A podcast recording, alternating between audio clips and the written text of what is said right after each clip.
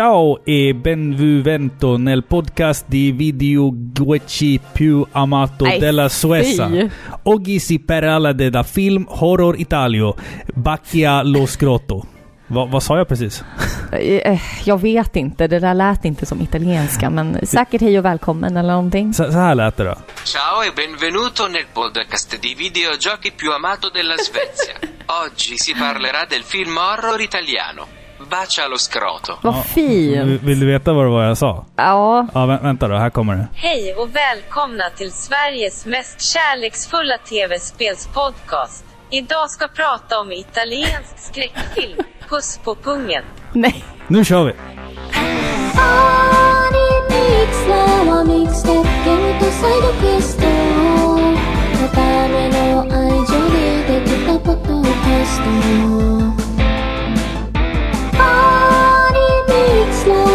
close to beginning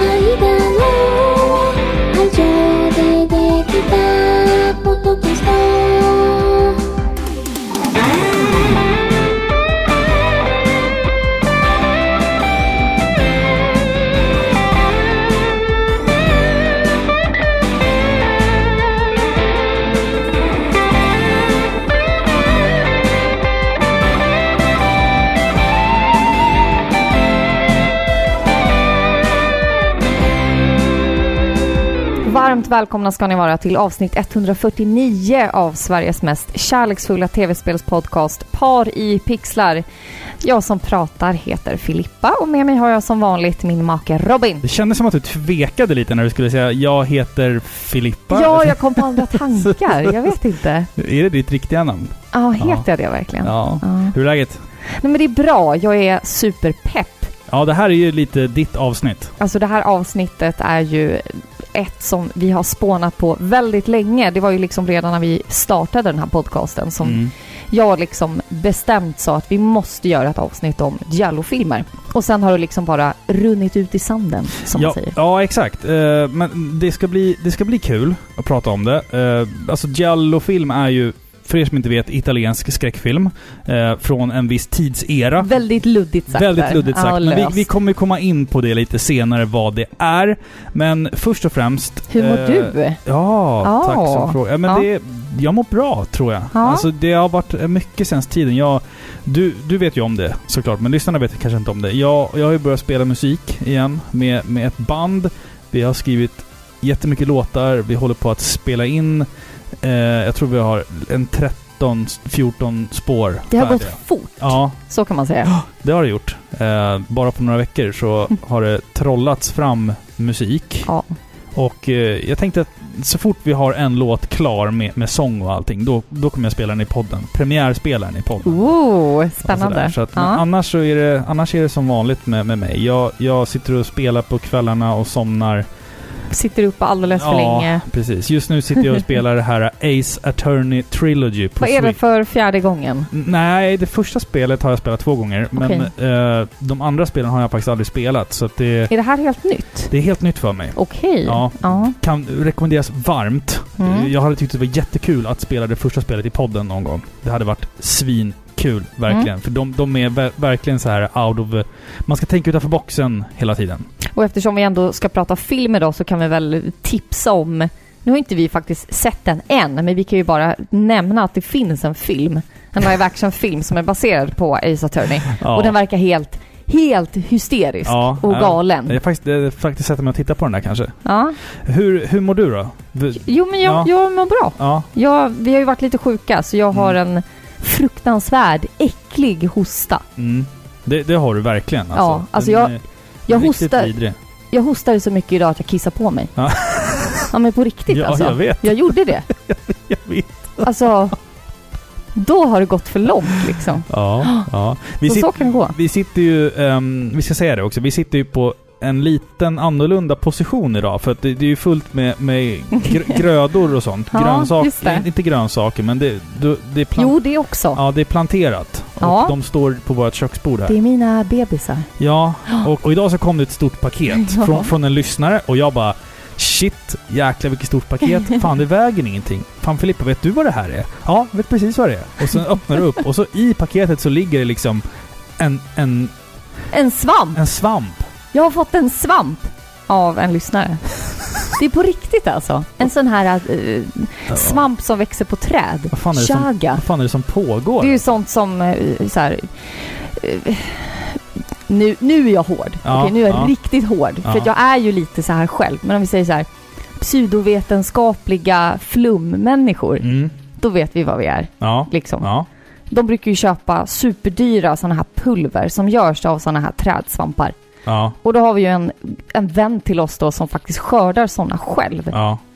Så jag fick sånt. Jag, jag var bara så förvånad för när jag öppnade paket så liksom ligger det som... Det ser ut som bajs. Ja, Alltså, ja jag- bränt bajs ja, typ jag tänkte som. liksom att nu, nu har första bajsbrevet kommit. Men Ja, eh, det har fortfarande inte hänt. Vi Jag bara, Robin, jag tog mig friheten att skicka ditt bajs på prov. analys för dårskap. Ja, precis. Vill du ha de bra eller goda nyheterna Ja, först? Nej. precis. Nej, men det, det, det var väl roligt att man, att man Ja. får sånt också av, Ja, ja, av sina lyssnare. Jag blev Ja, jätteglad. vi fick ju i och för sig lite andra grejer också. Ja, men, men, också. ja. Nej, men tack för det fina paketet ja i alla ett fall. Kan vi säga. ordentligt tack. Ja. Eh, jag måste bara fråga en sak också när vi pratar om grönt och sånt här. Mhm. Vad är det som måste begravas innan det kan göra någon nytta? Jag tycker inte att det här är ett Eh. pappaskämt ens. Nej, men alltså jag har hört den här förut Ja. va? Vad är det som måste begravas innan det kan göra nytta? Det är fröet. Okej. Ja. Ja. Ja. Det, Det, det var sant. ja. Ja. Jo, men det stämmer ju. Det var, det var inte ens... Jag vet inte ens varför jag skrev ner det. Jag tyckte, jag tänkte det lät roligt. Liksom. Ja, nej men det, Ja. det stämmer. Mm. Ja. Hörru, vi ska innan vi drar igång prata Mm. om det som vi har framför oss här. Vi Ja. har ju fått påfyllning i eh, Paripixlas eh, officiella ölkyl. Ja, alltså jag har varit så sugen på de här Mm. fina dryckerna vi har framför oss. De vet, när man och- öppnar kylskåpet, man ska ta lite mjölk till kaffet så bara, Ja. ska jag inte. Nej.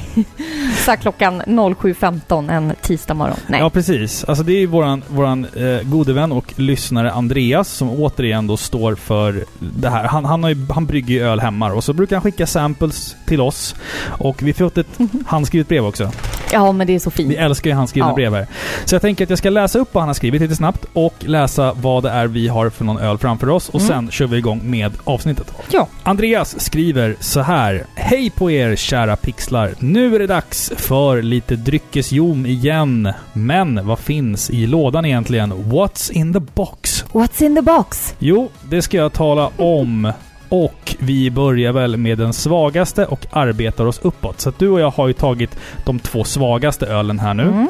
Eh, vi vill inte dricka för mycket. De sista här är väldigt, väldigt starka. Så dricker Mm. vi allt det här så då blir det ingen podd. Då blir det bara ett fylleslag. Ja, det, det ska vi försöka undvika. Jag har en öl framför mig som heter Run to the Hells. Alltså en, ett anspel Mm. till Iron Mm. Maiden-låten då. Fin, fin. Eh, en Hells lager på 4,7%. Hells är en tysk ljus lager med lite lägre beska. Så den bjuder inte på några större överraskning, överraskningar.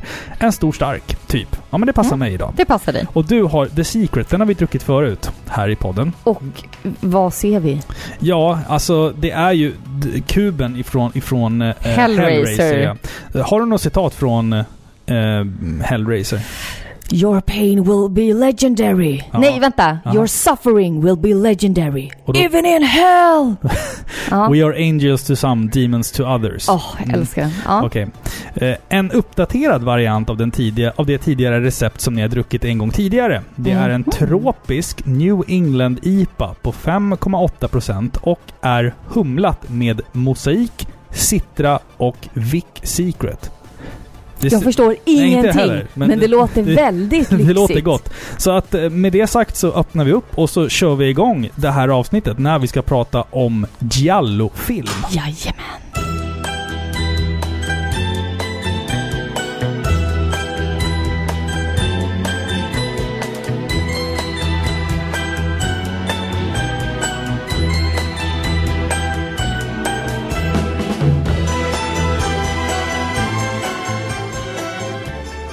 Man brukar säga att den första är så jävla god. Och det var den Ja. verkligen idag. Gud vad gott det var. Mm. Ja, det här, var, det här kändes ju som en, som en stor stark liksom. Den här var riktigt god. Nu ska vi smaka. Nu ska vi dela med oss. Ja, vi ska byta öl här också lite snabbt. Ja, men det är klart. Och den här var fruktig, The Secret. Ja, den var god. Mm. Jag hoppas att ni, att, ni, att ni står ut med allt jävla smaskande. Så. vi sitter med och bjuder på här. Ja, mycket gott. Mycket, mycket fantastiskt gott. Tack Andreas.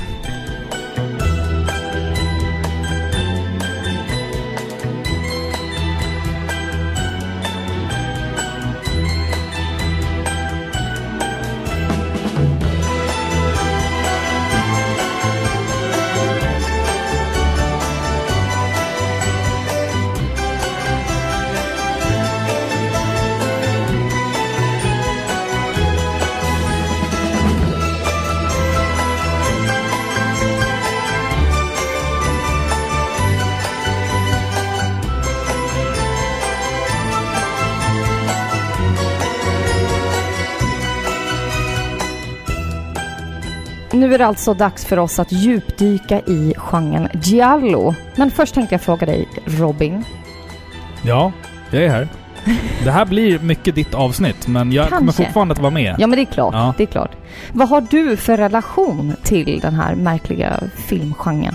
Typ ingen alls. Alltså innan vi träffades så hade ju jag eh, med all säkerhet aldrig sett en så kallad giallo-film. Titlarna har ju passerat i periferin i mitt liv, till och från. Eh, men jag, liksom, man har ju hört kompisar som har sagt men Suspiria, är, den är bra. Mm. Jag vet inte om det är en giallo-film. Eh, men så här Tenebre och titlar som har, man har hört och man har typ sett när man har varit på sci-fi-mässor så har det funnits affischer att köpa med, med de här titlarna. Men jag har aldrig sett dem. Jag har aldrig hört eh, eller sett någonting faktiskt överhuvudtaget. Så det var Nej. du som introducerade mig för det här. Mm. Ja, alltså jag minns faktiskt inte, det är lite tråkigt, men jag minns faktiskt inte vilken den allra första Giallo-filmen var som jag såg. Troligtvis var det väl en Dario Argento eh, som jag säkert lånade från min syster. Hon ägde ju som bekant väldigt mycket spel, väldigt mycket filmer eh, när, hon fortfarande bo- när vi fortfarande liksom bodde tillsammans. Där jag liksom kunde smyga in i rummet och kolla på omslagen och sådär. Hon är lite av en konnässör på, på, i, på skräckfilm, din syster. Ja, Så att- absolut. Det är hon. Ja, hon, väldigt hon kan kunnig. det här. Hon ja. kan det här. Eh, och jag gillade ju redan innan eh, så här 80-tals skräckfilmer och speciellt zombiefilmer. Eh, så jag uppskattade liksom de praktiska effekten. Mm, Äktheten ja. liksom. Så jag har alltid älskat det här råa i Giallo. Eh, för det här är en genre som kan vara lite bitvis B och lite budget liksom. Mm, Eh, men när den träffar rätt så blir det så sketans bra liksom. mm, mm. Så ja, det har väl alltid bara varit där helt enkelt, antar jag. Det har funnits där i ditt liv. Ja, Mm. jag tror det. Men först ska vi väl prata om vad Giallo egentligen är, för jag tänker mig att de flesta... Sitter som frågetecken nu och Ja. bara, vad fan snackar Vad ni om? är det här för någonting? Kan ni inte bara liksom hålla på med spel? Ja, typ? för det här blir ju, alltså som jag sagt tidigare, det absolut, absolut tveklöst eh, smalaste avsnittet vi någonsin har Absolut. gjort. Det kanske är jag vet inte, det känns, det känns som att vi har eliminerat 98% av våran lyssnarskara. Jag är jätteglad för er lyssnare som, eller som lyssnar på det här, trots att ni inte vet vad det här är. För jag, Ja. jag vill verkligen tipsa om den här genren. Mm, Ja, men det, ja, vi kommer komma in på vad det är nu. Nu ska du få förklara, Ja. vad fan är det här? Då sätter vi igång.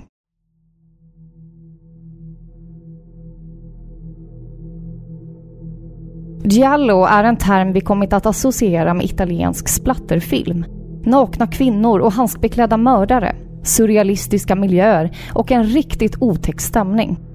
Men från början stod ordet giallo, som på italienska betyder gul, för någonting helt annat. Redan i slutet på 1800-talet började billiga deckarböcker med namnet pulps att dominera läskretsarna. Namnet kom från det billiga pappersmaterial det var tillverkat från och var ofta en samling deckarmysterier från kända författare. I Italien var intresset stort och i slutet av 1920-talet kopierades de gula pocketböckerna av förlaget Mondadori som släppte sin första deckarpocket 1929. De nya deckarna, inspirerat av de ursprungliga amerikanska böckerna, fick namnet Giallo. Med tiden började italienska filmregissörer utnyttja intresset för de obskyra mysterierna och tog för första gången de gula böckernas spänning till den vita duken. Pionjärer såsom Mario Bava och Lucio Fulci tog alla varsin bit av spänningen genom filmer såsom The Girl Who Knew Too Much och Una Solaltra. Filmer som kom att lägga grunden till den klassiska genren vi kommit att älska. Med åren växte tydliga teman in. Ett mordmysterium, En anonym och ofta handskbeklädd mördare. Vackra kvinnor. Brutala mord. Surrealistiska miljöer och en överhängande drömsk känsla. Här har vi filmer som kommit att prioritera känsla framför sammanhängande realism. Som vågar chocka publiken med blottande scener och övertydligt våld. En genre som blev inspirationen till den amerikanska slasher-genren och vars ikoniskt visuella stil fortsätter att inspirera än idag.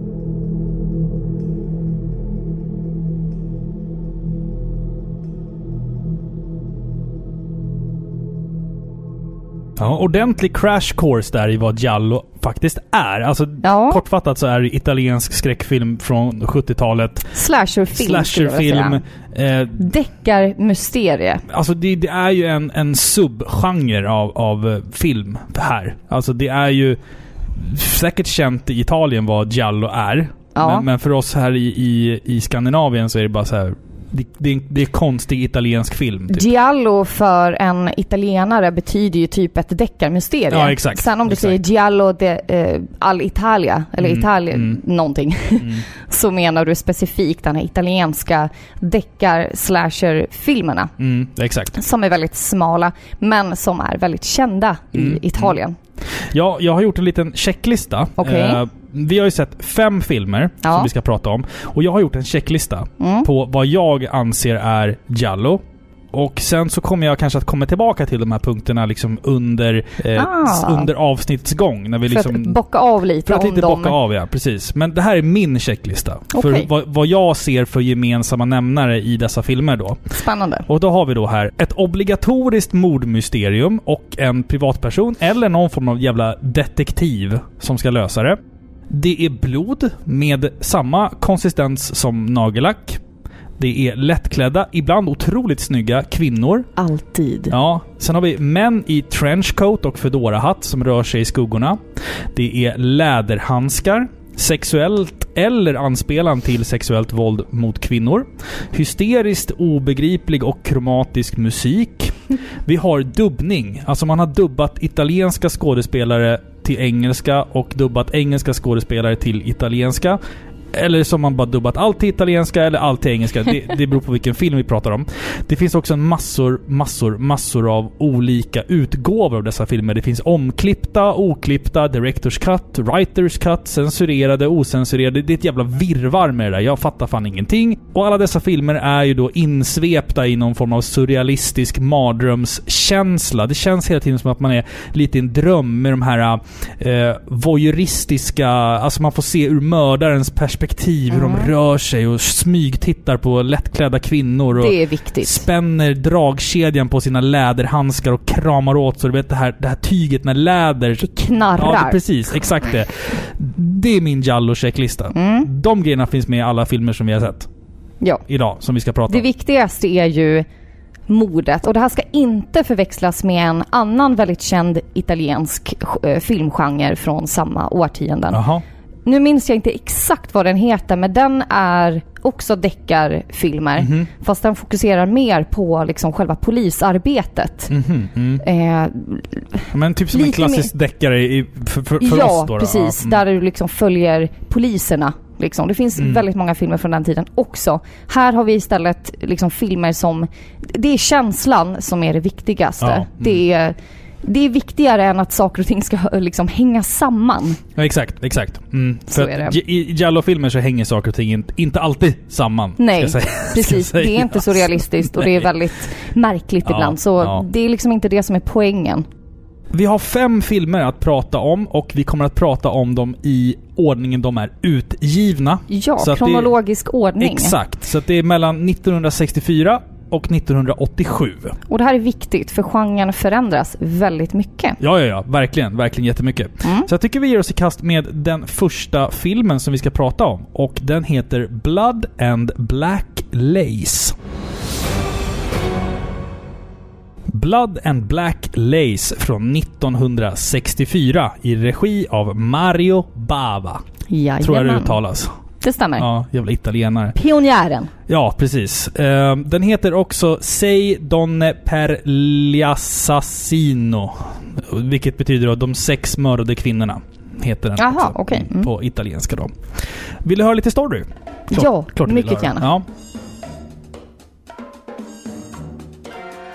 Isabella är en av de många vackra kvinnor som jobbar på Haute Couture. Jag vet inte hur det uttalas. Det är ju helt okej. Okej, ja. Ett enormt modehus i Rom. Efter en kväll på studion vandrar hon hem på vägen som löper in till ett skogsparti. Det hon inte vet är att hon är iakttagen av en mörkklädd man som lurar på henne. Han har en mask som döljer hans ansikte och attackerar snabbt och dödligt. Efter att kroppen hittas börjar polisen Silvestri att intervjua och förhöra de övriga anställda på modehuset. Men utanför periferin hos den hårda polisen pågår nu en jakt på något som Isabella lämnade efter sig. En dagbok. Vi förstår kort därefter att dagboken innehåller saker och information som om den läckte ut skulle få förödande konsekvenser för många av dem som stod Isabella nära. Helt plötsligt blir listan på misstänkta mördare mycket längre samtidigt som flickorna på modehuset blir allt färre och färre. Kvinnomördaren utan ansikte har bara börjat sin sjuka lek och snart är allt bara ett enda stort blodbad bland de parfymerade spetsklänningarna på Haute Couture.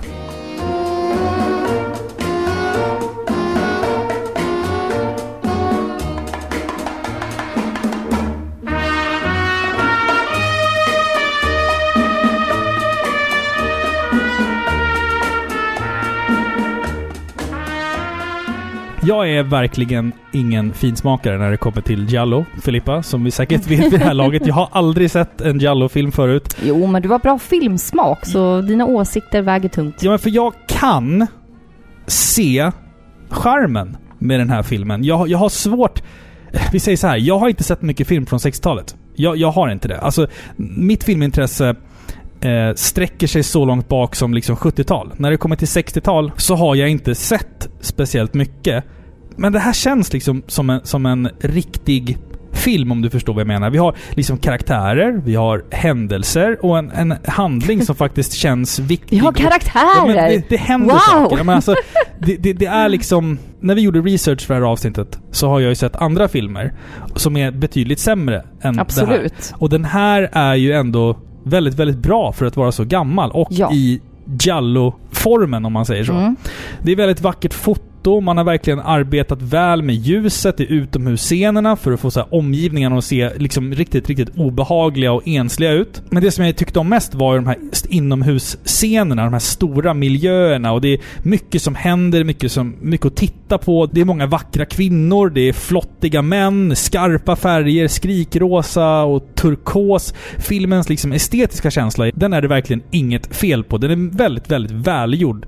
Och sen bara titta på filmens anslag. Alltså introt är ett härligt exempel på hur färgsprakande resten av filmen faktiskt är. Absolut. Den här filmen är väldigt annorlunda från de, eh, de Giallo-filmer som kom att släppas lite senare.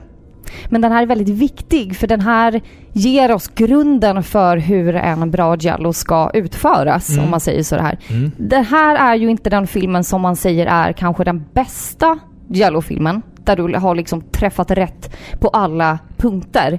Där du liksom har bemästrat eh, genren. Men den här liksom satte, den här stod i startgroparna liksom och byggde upp någonting som skulle inspirera de senare filmerna. Det här är ju eh, ett verk av Mario Bava.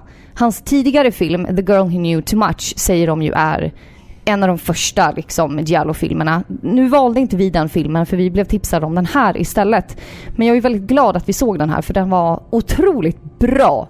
Verkligen bra. Ja, precis. Men det, den är ju lite annorlunda Ja, än precis. de andra filmerna. Här är det mycket mer fokus på själva liksom, deckarbitarna i det, liksom själva utredningen liksom. Än de här lite mer flummiga splatter giallo-filmerna som kom Mm, lite senare mm. där det känns mer som en dröm som du nämnde. ja. Den här är ju lite mer tydlig på det sättet. Men den är väldigt viktig för här får vi alla ingredienser till grunden. Liksom. Vi har en maskerad, vi har en halsbeklädd mördare, vi har vackra kvinnor.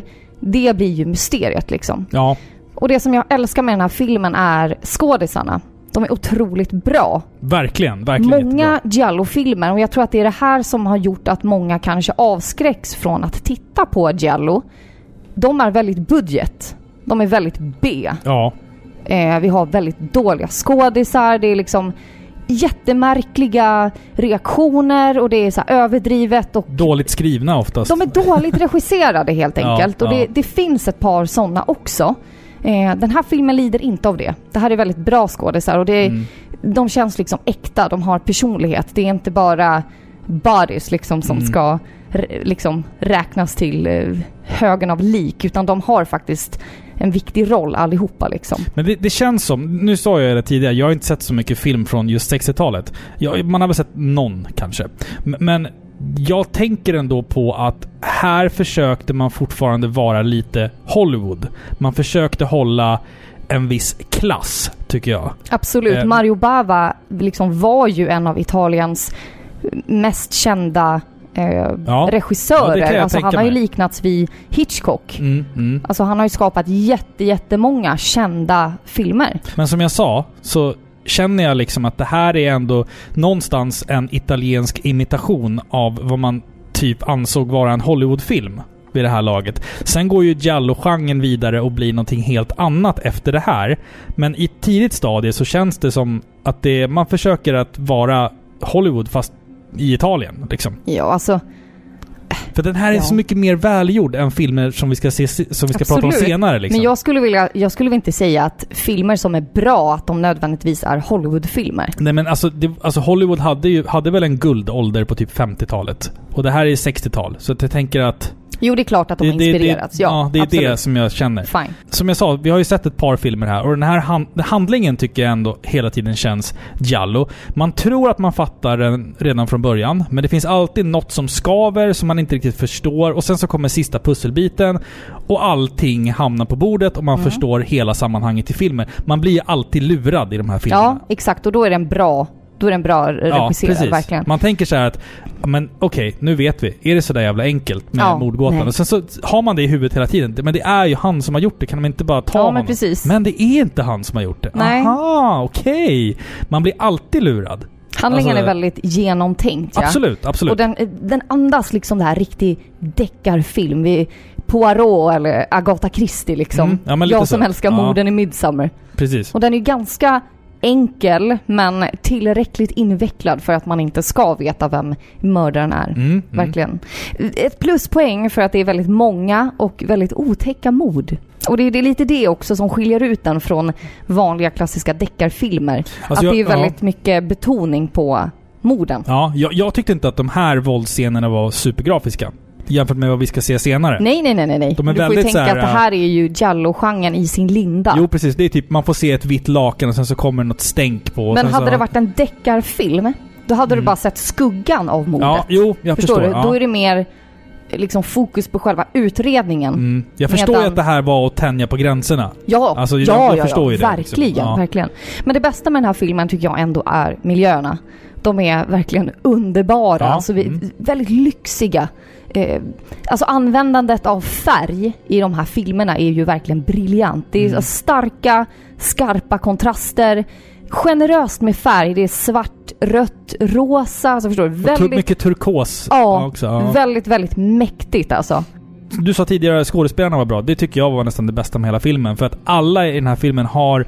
Det, det är så starka karaktärer. Ja. Och, Tänk vad många de är. Ja, jag vet. Det är ju och, och när, svårt. när mysteriet, liksom, när den, här, när den här dagboken är på vift och alla blir svettiga. Man, Mm. Alla försöker komma åt den där dagboken. Och Ah. det, är, det, är en sån, det är en spännande jakt. Och vem hugger vem i ryggen först? Liksom. Och det är en sån bra scen när den här dagboken försvinner och Ja, när de liksom ja. smusslar ut handväskan Mm, och allt mm. det där. Det var riktigt snyggt gjort. Ja. Väldigt bra. Alltså jag tycker så här om den här filmen att även om man inte är intresserad av kanske Giallo som filmgenre så tycker jag att den här filmen klassas som, som en jättebra italiensk deckarfilm från Absolut. 60-talet. Så att om man vill utbilda sig själv med, med, sin, med sin filmkunskap så, så kan man se den här ändå. För att det, det är en väldigt bra film. Även om man inte är så mycket för det här med blod och våld så är Blood and Black Lace en väldigt, väldigt bra film bara i sin enkelhet. Alltså gillar man film så ska man veta vem Mario Bava är. Ja, men typ. Det, Och hans det, son. Det, är säkert så. Lamberto Bava. Ja. Baba? Baba. Baba? Du kommer, du kommer Baba. droppa, det känns som att det kommer droppa mer trivia från dig här Ja, jag ska bara... baba. Ja, nej. Vilken är Jehovas vittnens favoritlåt? Eh, öppna din dörr. Den där har du hört förut. Och säg att du vill ha mig här. Säg Inte intresserad. Att du inom dig bär. Ja. Bara Ja, men det stämmer. Ja, det är Det stämmer. fint. Ja. Vart ska man helst inte begrava folk som har dött med demens? Den här är fan inte... Den, den här är inte okej att säga egentligen. Men jag drar den ändå. Okej. Mm. Med demens? Ja, Jag vet inte. minneslunden. Nej! Förlåt. Det är så, det är så Ja. lågt alltså. Fan. Ja men det var okej för den var så Ja, luddig. jag får ont i magen och Nej, säger det. Okej. nej. Mm. Ja. Det är dags för nästa film. Eller vad säger du? Ja. The Bird with the Crystal Plumage från 1970 i regi av Dario Argento. Ljudet från Kristallfågeln eller Lucello della Piume di Cristallo. Fint. Där, fick Ja. jag nästan till det faktiskt. Jag skulle vilja säga att ditt italienska uttal är något vassare än din skånska. Ja, ja, men det är den här Kan du köra skånsk italienska? kuckon från Kristallfågeln. Nej men alltså Nej. italienska med skånsk accent. Oj, vänta nu. Lu Lucello del, della Piume di Cristallo. ja, det, det är en så kallad... Det, det, är, ja, det är i alla fall del ett i den så kallade djurtrilogin av Dario Argento. Eh, vi kan ju också säga som en liten fotnot att eh, Ennio Morricone har gjort soundtrack till den här filmen. Mm. Lite av en chock, måste jag säga. Ja, det kanske kommer som en chock, men Ennio Morricone har gjort soundtrack till väldigt många italienska... Alltså han är ju Ja, han italienare. har väl säkert gjort 4000 soundtrack. Ja, till många sådana här filmer Ja. också. Ja. Ja. Vi kör lite story på det, eller vad säger du? ja, men det tycker jag. Mm.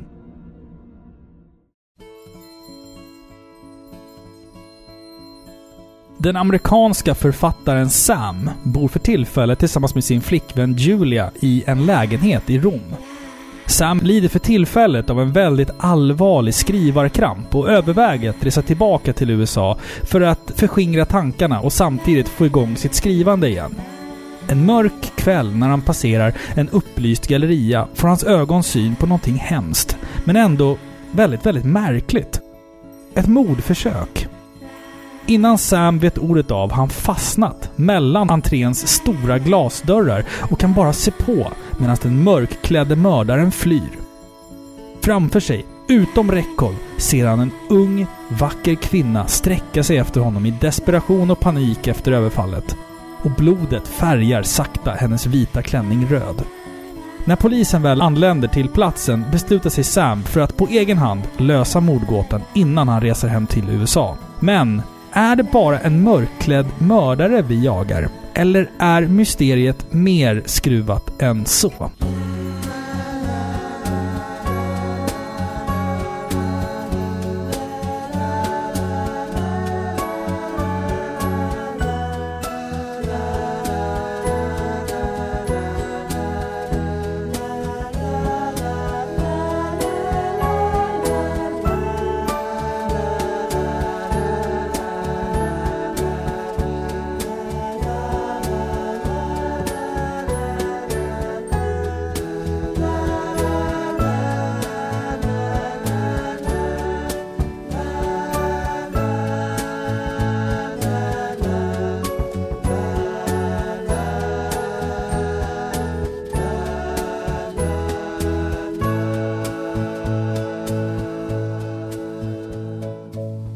Kan säga så här. Den här filmen var väl trevlig. Ganska lättsam, tycker jag. Den har spänning, drama, bjuder faktiskt på en och annan twist. Eh, inledningsvis så känns den ju som alla andra Giallo-filmer eh, glasklar. Man tror att man fattar vem mördaren är, vi har ett motiv etc. etc. Men ju närmare lösningen vi kommer så är det bara så blir det bara mer och mer förvirrande tills dess att vi har alla svar och då blir det liksom märkligt. Bra fortfarande. G ganska bra. Men, men märkligt. Och nu när vi började se de här filmerna med ett granskande, om vi ska kalla det så, öga, så har man fått eh, lite klarare insikt om vad det är som gör de här filmerna egentligen. Det är ju, det är ju B-filmer.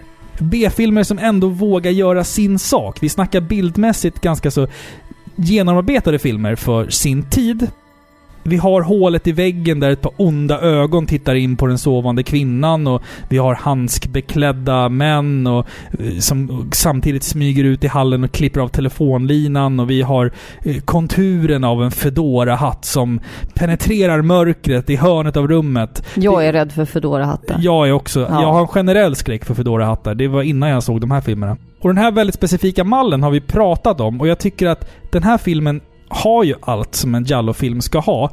Men den lämnar ändå mig med ett... Meh. Alltså, Ja, men jag håller med. blir, man hängd för att man såg, för att man liksom tycker att den är meh?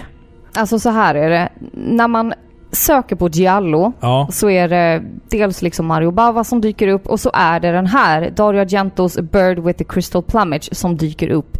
Den anses ju vara en av de bästa Giallo-filmerna.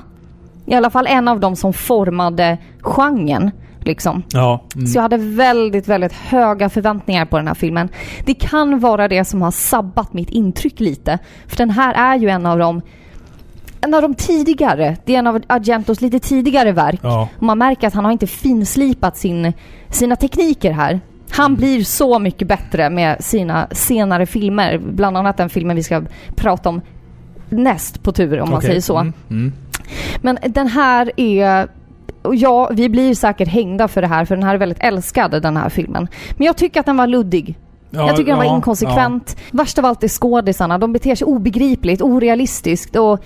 Alltså, en, en sak som den här genren har fått väldigt mycket skit för är att den ska vara väldigt nedsättande mot kvinnor. Att den är Mm, väldigt mm. sexistisk. Och det är ju sant att just det här äh, exploitation mot kvinnor är en viktig del. Alltså just det här faktum att det är alltid nästan kvinnor som är offren. Mm. De är alltid nakna, typ när de dödas. Och, ja, men den har fått skit för att det ska vara misogynisk liksom. Ja, ja, ja, och väldigt eh, hatiskt mot kvinnor. Det här är ju någonting som Dario Argento har handskats med väldigt mycket bättre i de senare filmerna när han liksom till och med har påtalat det själv eller låtit en av karaktärerna påtala det själv i filmen. Ja, ja, precis. Så ja. han har ju liksom handskats med det problemet. Mm. I den här filmen så är kvinnorna offer.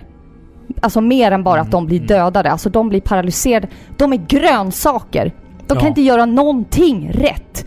Förstår du? Jag blir bara frustrerad när jag ser den här filmen. Jag tycker den är B. Men det är någonting också så med den här stereotypa italienaren. Alltså man... Jag, jag har alltid haft bilden av att italienska män är ganska så här. Ja men de är, de är på hugget va?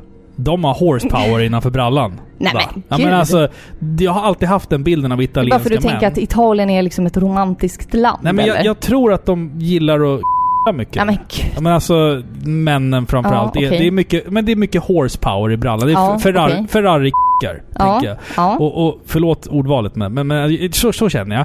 Och jag tycker att det porträtterar typ nästan alla manliga karaktärerna i de här filmerna är ju drivna av en sexlust hela tiden. Är, ja, och speciellt mördaren. Ja, precis. Speciellt mördaren oftast, som oftast har någon form av sexuellt motiv. Männen generellt stöter på kvinnorna. Det är alltid så här lite flörtiga kommentarer och Absolut. grejer. Man bara, fan hejda dig lite nu. Ja, och sen i, i vår Liksom. tidsålder när vi är så woke Ja, ja, Så- ja så uppfattar ju vi det på, såklart på ett negativt de, sätt. de här filmerna har ju åldrats jättemycket senaste tiden. Om man ska säga så. Ja, Alltså, precis. ja. Om jag ska säga någonting som är bra med den här filmen. Alltså jag, jag ser ju, jag ser ju liksom att den här filmen har varit med i att forma genren. Och för Ja, det absolut. ska den verkligen ha cred, Mm, för mm. den har alla de här delarna. Det känns som att den sitter med alla pusselbitar till att skapa en perfekt Jallo. Mm. Men utförandet är klumpigt. Så skulle jag vilja säga. Det är oslipat. Och en annan sak som den här filmen gör det är att den lägger väldigt mycket fokus på just de psykologiska motiven som mördarna har. Och det här är en viktig grej som Diallo eh, fortsätter att ha i sina filmer. Mm. Det är oftast väldigt mycket betoning på att mördaren har varit utsatt för någonting eller den kommer ihåg någonting som triggar ett trauma Ja, som gör ja. att han eller hon utför de här bestialiska dåden. Och det är väldigt viktigt, Mm. för det liksom bidrar till mystiken som finns i Giallo-filmer. Men kort så kan jag väl bara säga att alltså det är en viktig film. Den är väldigt, väldigt viktig och den sitter med alla bitarna liksom. Men jag tycker att den är klumpigt utförd. Det kan ha varit, jag kan ha sabbat det för mig själv för att jag hade så höga förväntningar. Ja. Men jag tycker att den är väldigt obskyr. Och bara titeln titeln på filmen är Mm. liksom så långsökt och har egentligen ingenting med... Nej, verkligen saken att göra. Nej, verkligen inte. Det, det har ingenting med en fågel att göra. Det får du veta i de sista fem minuterna liksom. Så nej, tyvärr. Alltså jag, jag, står, jag står faktiskt för det här. Jag tycker inte att det här är en bra film. Det- Den är ju sämst av de fem filmerna vi har sett. Ja.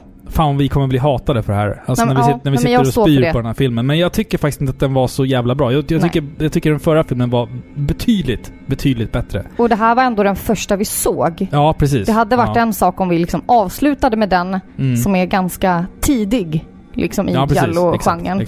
Men den här började vi med och vi reagerade liksom på en gång på att den var väldigt osammanhängande Ja. och märklig. Ja, inte nödvändigtvis långsam, men märklig bara. Ja, Alltså, typ ja. så här. Okej, så där skulle inte jag gjort. Ja, Så där skulle inte jag regisserat. ja, nej, Dario Argento vinner ju inte mig än, om vi säger så. Nej, men, Men kanske i snart. nästa film. Kanske i nästa Mm. film. Mm. Det här avsnittet av Par i pixlar görs i samarbete med Spel och sånt. Och eftersom det här avsnittet handlar om någonting annat än just spel så vill vi passa på och tipsa om att Spel och sånt har ju faktiskt mer än bara tv-spel. Vad är det vi hittar på Spel och sånt Robin? Ja, jag sitter ju på Spel och sånts hemsida här nu, spelosont.se och bläddrar lite. Och så hittar vi här, då har vi kläder, Mm. popfigurer, Jo, jo. såna här coola. Eh, Magic the Gathering, Games Ah. Workshop, sällskapsspel, eh, böcker, figurer, mjukisdjur, smartphone, tablets. De, alltså, De har ju allt. de, har ju, de har ju mycket bakom ordet sånt i spel och sånt. Eller hur? Ganska passande namn tycker jag. Exakt, exakt.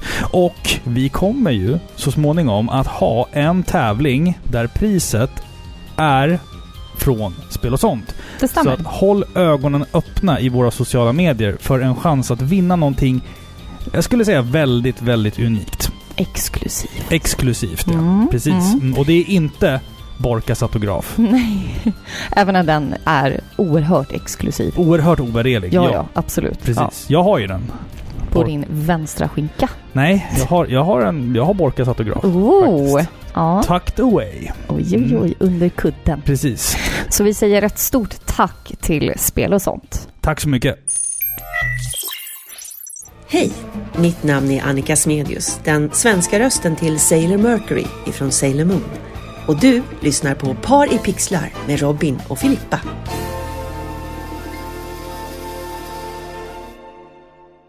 Hörde ni om den där uh, saxofonisten som blev uh, sjukskriven förresten? Hörde du om honom? Nej. Han har tydligen åkt på blåskatarr. Nej. Sämst. Ja, den var B. Sämst humor alltså. Ska du bränna av nästa film, eller vad säger du? Ja, nu ska vi... Nu!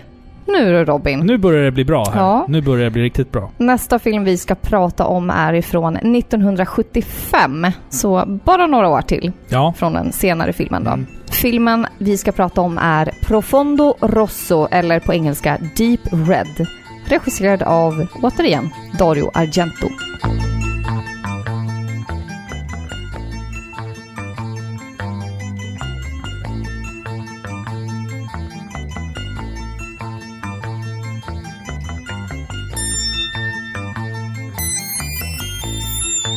I en stor och ekande konsertsal sitter den tysta publiken och iakttar. På scenen sitter tre människor. Två män som är professorer inom det parapsykologiska och ett kvinnligt medium. Med spänning följer publiken hennes berättelser om det övernaturliga när plötsligt en förnimmelse om någonting ondskefullt där i publiken. Kvinnan reagerar kraftigt, ställer sig upp och konstaterar att någonstans i publiken sitter en person, en mördare, som tagit ett liv förut och kommer göra det igen. Efter detta turbulenta liv avslutas föreläsningen och kvinnan återvänder hem. Bestämd att skingra och skriva ner sina tankar innan hon lämnar det till polisen. När hon slutligen är helt ensam och tystnaden kliver på hör hon plötsligt en barnröst. En glad barnsång vars toner i dur ekar hotfullt till kvinnans förskräckelse. Något är fel.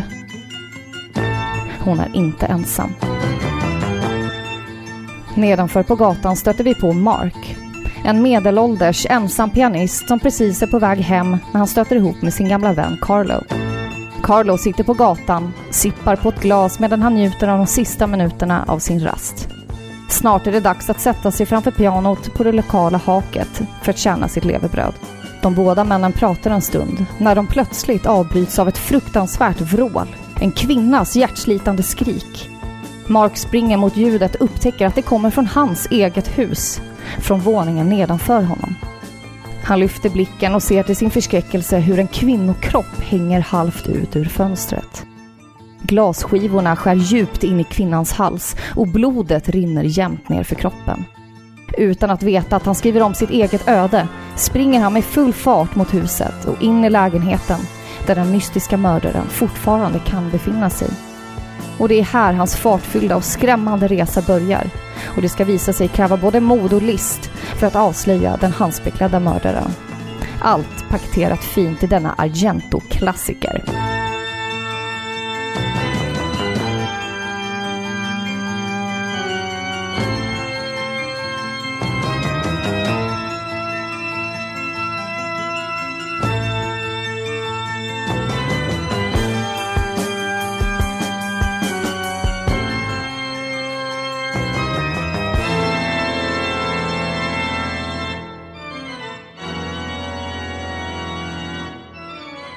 Den här filmen anses ju vara den bästa Giallo-filmen. Den här filmen har ju hyllats av Tarantino, Carpenter, Kubrick. Alltså, det här är min favorit Giallo-film. Det, det här är en film som kanske kom något år senare än Giallos Linda, men om man säger så här, om Blood and Black Lace grundade i startgroparna så har Profondo Rosso verkligen bemästrat genren. Här görs allt rätt. Och om vi bara tittar på liksom det grafiska man får liksom eh, samma färgskalor och kontrast som Mario Bavas klassiker i, i fråga om kulörer och skuggor. Det, det är väldigt modernt, det är vackert foto och skuggorna, det är superbra användning av skuggor. Det kan vara ett helt svart rum och, och så har du bara liksom en, ett vitt ansikte som lyser upp. Så det är väldigt hotfullt. Och jag måste ändå säga att det här är den enda av de här filmerna som faktiskt skrämmer mig på riktigt. Den, Den, här, är, den är läskig alltså. den är Ja. riktigt otäck alltså. Och det är mycket på grund av sceneriet och ljussättning och allt sånt Ja. där som man... Alltså, bara som en sån sak som det här stora torget de befinner sig på Ja. när de bevittnar mordet. Precis. Den platsen känns så himla drömsk och öde. Ja, och verkligen. liksom, det, Nästan det, som att det är på en teaterscen på något Ja, sätt. lite, ja, precis. Det är det som den här filmen är. Den är väldigt, väldigt teatralisk. Ja, och det här är verkligen styrkan i filmen känner jag. För att kamerarbetet är otroligt bra gjort. Alltså det här sätter prägen för en bra italiensk thriller. Så här ska Giallo vara. Vi, vi har liksom de här inzoomningarna, du vet tidstypiskt eh, Mm. 70-tal. Ja, visst, visst. Och vi har de här jättelånga, eh, superlångt ifrån liksom. Det är väldigt imponerande. Och det är just de här långa scenerna, eller eh, ja, vad ska jag kalla det, kameravinklarna långt ifrån, Mm. om du förstår, Ja. som skapar de mest talande bilderna av... Vidvinklarna. Ja, Mm, exakt. mm. Som skapar liksom en sån här film. Det skapar en otrygg känsla. Det blir, det blir skrämmande, det blir hotfullt.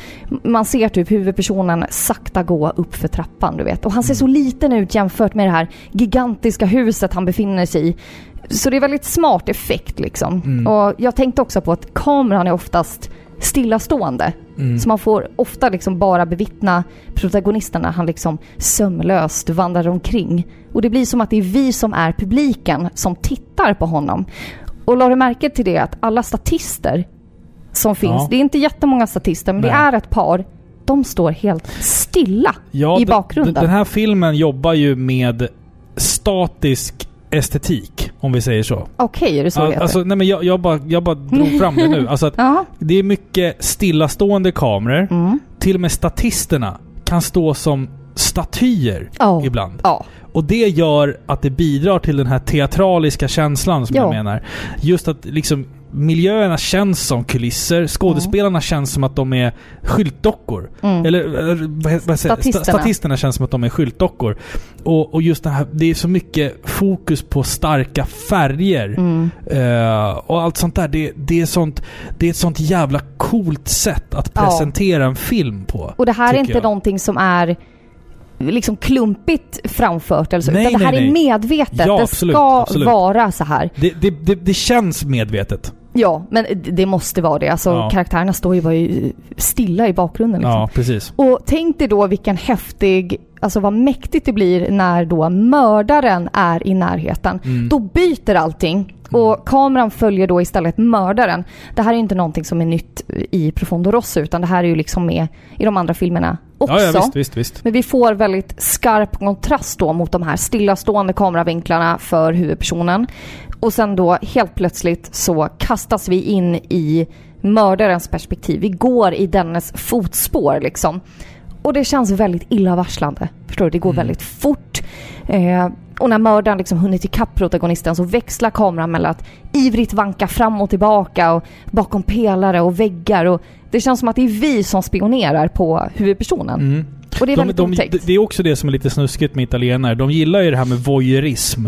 Alltså att de gillar att tjuvtitta på kvinnor som klär av sig. Det är också så här Ja. italiensk testosteron. Ferrari återigen. Eh, Och det är ju lite så de här filmerna är. Ja, de visst. tenderar att bli lite så sexistiska. ja, lite jo, så. Jo, men alltså Och, det... s- men som jag nämnde tidigare, det här är ett, liksom ett vanligt tema i de här Ja, ja filmerna. visst, absolut. Men det är liksom ofta nakna kvinnor som blir mördade av Mm. dominanta män. Men därför tycker jag att det är väldigt intressant att karaktärerna själva i den här filmen påpekar det här. Mm, Du vet, mm. kvinnorna tar själva upp ämnet. De, de motsätter sig sexistiska kommentarer och sådär. Förstår du? Ja, Nästan som att precis. Argento själv ville svara på kritiken. Som en samhällskommentar. Ja. Mitt, mitt i filmen, ja. Ja, men precis. precis. Ja, precis. Ja, men så det, det, tycker jag också lyser igenom att ändå... Hans filmer, fin, det finns ju ändå starka kvinnor. Sen- alltså, Verkligen. Även fast männen är italienska män, tidsenligt och allt. Med Ferrari Ja, precis. Okej. Så är ju ändå kvinnorna starka. Det finns alltid någon stark kvinna i varje film. Och den starka kvinnan i den här filmen spelas ju faktiskt av Dario Argentos egen fru. Ja, precis. Som tyvärr dog i höstas. Jaha, det är så Hösten pass, alltså. 2020. Ja, Daria Nicolodi. just det. Fantastisk skådespelare. Hon förekommer ju i flera av hans filmer Ja, exakt. faktiskt. exakt. Det som jag verkligen uppskattade med Profondo Rosso, det är ju att den känns, som jag sa tidigare, teatralisk. Den känns mardrömslik. Ingenting känns som att det liksom händer på riktigt. Man, man vaggas in i det. Från det här väldigt, väldigt ikoniska introt i den här uh, operasalen. Till att man där liksom sakta, sakta vaggas in i någon form av surrealistisk mardröm med alla de här färgerna och, och musiken. Musiken har vi inte pratat om. Det ska jag prata om. Goblin, som Ah. har gjort eh, soundtracket. Då. Det är alltså märklig, instrumental, progressiv funkrock med orgel. Som inte liknar ta mig fan något annat jag någonsin har hört alltså. Ja, alltså soundtracket till den här filmen kan vara bland det bästa som gjorts. Ja, alltså. gud alltså. Jag älskar Goblins melodiska och tunga orgeltoner till de de, gör här mörka mycket. Alltså, filmerna. de, de gör mycket. Ja, mycket, ja, mycket, mycket ver- de. Verkligen. Alltså det, det är spänning, det är mystik, det är skräck. Alltså jag kan lyssna på Goblin Ja, ja, när jag, jag står med. och lagar mat. Alltså det är så Ja. sjukt bra. Jag har Goblin på min Spotify-playlist. Ja, Kan, man, kan jag rekommendera? Det finns ju på Spotify att lyssna på. ja lyssna på låten Profondo Rosso. Ja, sjukt gud bra. ja. Absolut. Sen vill jag också bara, när vi ändå pratar om ljud och sådär, alltså ljudeffekterna Mm. är väldigt bra Ja, i den här ja. filmen. Ofta hör man ju liksom mördarens andetag flåsande. Men jag skulle ändå vilja säga att det är tystnaden som skapar de mest illavarslande momenten. Ja, absolut. När allt man hör är ljudet från protagonistens skor mot marmortrappan. Förstår du? Det blir väldigt Ja, effektfullt. Det skapar en känsla av att nu händer någonting snart. Man jobbar så mycket med musiken så att när det väl inte är musik, då vet man Då att nu, man nu, nu händer det någonting Ja. här. Liksom, nu är det något på G. Och då blir det blir en illavarslande känsla direkt. För att Ja. det känns som att du, att du hela tiden hålls i handen av musiken. Men när den är Verkligen. tyst, då är det bara du kvar. Då är du Mm. ensam med vår huvudperson och mördaren. Det, Mm. det, det är då det blir liksom intensivt, om man ska säga. Men det här är ju en otroligt, otroligt smart film, enligt mig. Är du uppmärksam i filmens första inledande minuter så kan du lösa mordgåtan på egen hand. Mm. Jag missade det första gången jag såg filmen. Andra gången så visste jag vad jag skulle titta efter, men Mm. jag hade glömt bort och så missade jag det igen. Men som sagt, det finns en nyckelscen. Jag säger inte Nej, vilken. säg inte Nej. för mycket nu. Jag säger bara att tidigt i filmen, väldigt, Ja, men väldigt säg tidigt. inte, säg inte vad det är. Nej, jag säger ingenting om vad det är. Jag tänker inte spoila filmen. Eller jag, vad jag, man tror att det är. Nej, jag vill bara att folk ska vara upp, väldigt, väldigt uppmärksamma. Eller så får de se minuterna. själva. Jo, men alltså filmer brukar oftast inte baka in nyckeln tidigt i filmen. Utan det brukar Nej. vara att du får den sista pusselbiten i slutet och fattar filmen. Mm. Medan här får du nyckeln, men om du missar den, då måste du vänta jättelänge innan du kan få det Ja, men det är det som är den. spännande. Ja, men du kan, som jag sa, lösa filmen tidigt. Om Ja. du bara är väldigt uppmärksam. Och det älskade jag Mm. i den här filmen. För att det görs inte så mycket i filmer. Oftast är det så att du får en pusselbit i taget och sen lägger du pusslet. Medan här fungerar det helt annorlunda. Det, Ja. det är så jävla coolt. Se filmen två gånger på raken så förstår ni exakt vad jag menar. Mm. Och det, det är otroligt häftigt faktiskt. Ja, alltså den här filmen är fantastisk. Jag, jag gillade den innan, men nu när vi såg den igen så fick jag verkligen bekräftat att den Mm. här är den här är banne mig skitbra. Ja, verkligen. Och den här är obehaglig. De andra filmerna är man ändå... Ja men när de känns lite mer budget, då är man inte rädd. Förstår du? För att offren beter sig som de gör liksom. Ja. Men de här filmerna, då känns det som... Man, är, man hejar verkligen på protagonisten. Mm. Han måste klara det här liksom. Och det är läskigt och det är obehagligt och otäckt nästan hela tiden alltså. Det känns som en mardröm. Ja, det gör det. Om, om du tänker på um, den här nyckelgrejen i början om du säger så, Ja, till exempel. Ja. Om du tittar på skräcken, hur den är utformad i moderna skräckfilmer, så har de ju fått väldigt mycket, för, eller alltså det gjordes i den här filmen. ja, precis. Mm. Så den är, Mm. ja, väldigt nyskapande, otroligt bra. Se den. För mig så, jag känner så här att jag tycker att det är en... Som lekman kan jag säga så här jag tycker att det här är en komplett Jallo-film. Faktiskt, på alla sätt och vis. Jag måste också nämna David Hemmings som spelar huvudkaraktären. Otroligt bra skådespelarinsats. Verkligen. Eh, och slutord för mig är egentligen att vi har en film som har ett mardrömskt sceneri. En mördare som ändå typ tänker logiskt lite grann. Och filmen följer en sån pass intensiv struktur att man inte vill titta bort. I Bird with the Crystal Plumage så var jag så här att jag zonade lite. För att jag typ ledsnade. Medan i den här filmen så var jag med hela tiden. Det var spännande karaktärer, otroligt intressant kamerarbete, färgstarka miljöer, mardrömskt som jag sagt hundra gånger nu. Men det känns fan så alltså. Verkligen, verkligen enastående film. En underbar feberdröm. Nu pratade vi inte så mycket om morden i den här filmen, men det kanske vi ska lämna lite osagt för att det är, det är lite unika mord i den här filmen. Bernardo Zapponi, som skrev filmen tillsammans med Dario Argento, ville tänka lite annorlunda inför den här filmen. Man ville att publiken skulle kunna relatera till den smärta som offren i filmen kan Oh. får utstå. Den normala människan vet inte hur det känns att bli skjuten, men många vet hur det känns att till exempel få en tung möbel på sig, eller bränna sig på väldigt, väldigt hett vatten. Behöver inte säga mer än så. Mm. Men morden är ganska unika för Giallo-genren. Verkligen. Hörru, det hände en grej med bilen förresten. Jaha. Jag råkade köra på en grävling. Så det första jag gjorde var att ringa en advokat. Jaha. För jag har ingen koll på det här med juridiken.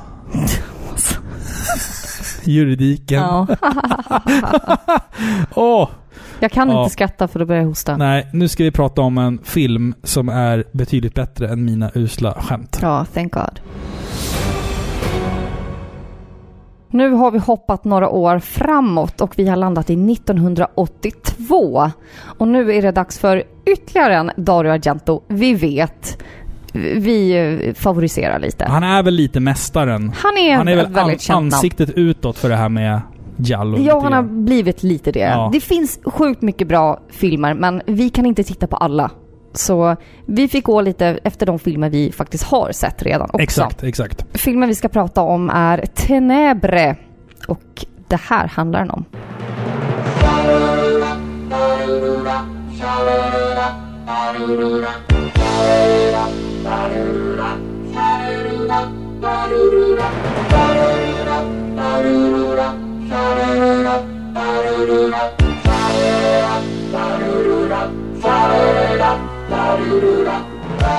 Peter Neal är en framgångsrik deckarförfattare som tycks ha allt.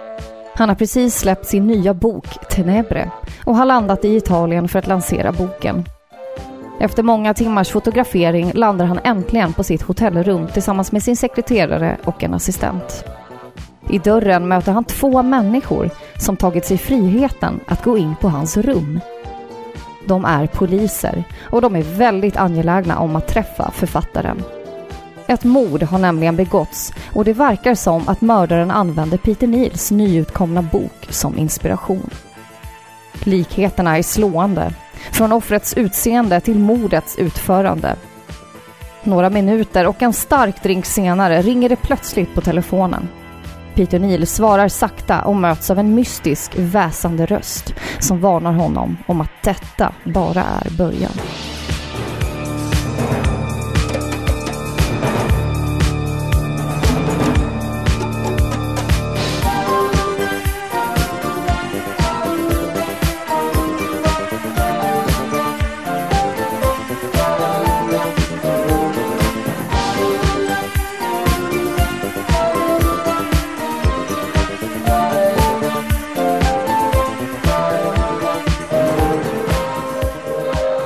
Innan du fortsätter nu Filippa, den har två andra namn också. Kan du dem?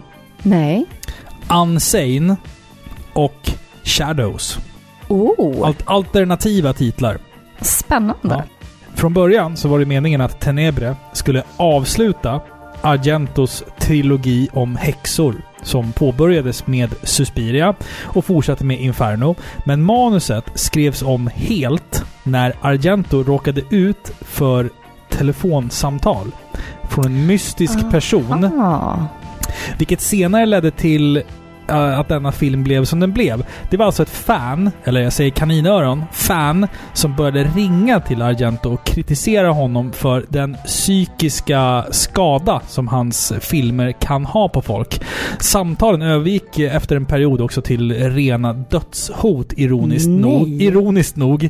Eh, och det var därför Argento fick liksom inspiration till att göra den här filmen. Nej. Jo, så att det är lite självupplevt från hans Coolt. sida. Ja. Det här är ju ascoolt Ja. ju. Lite synd att han inte gick med det här äh, sista häxtrilogin för en Mater Suspiri, eller Mother of Tears, som är den sista i äh, Den häxtrilogin. kom typ 2004 eller någonting. 2007 tror Ja, jag. jättesent. är ju inte bra. kan vi bara säga det? Vi skiter i den. Ja. Men berätta lite om Tenebre, vad tycker du? Ja, alltså Tenebre, det här är en fantastiskt intensiv och oförutsägbar film. Och en sak jag gillar, bra skådisar.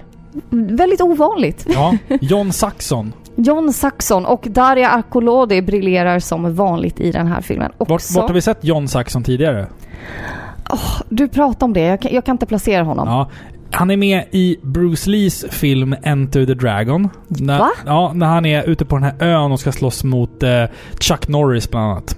Så är han Okej. med. Han spelar... Men han är med i något annat också? är det inte han som har den här järnklon till och med i slutet? Jag tror ta mig fan det. Jag minns jag, inte. Vågar inte chan- jag vågar inte säga det eh, 100% men jag tror att det är han. Men jag tror att han är mest känd ifrån Terror på Elm Street. Så var det ja. Mm, Så mm, var det, just det.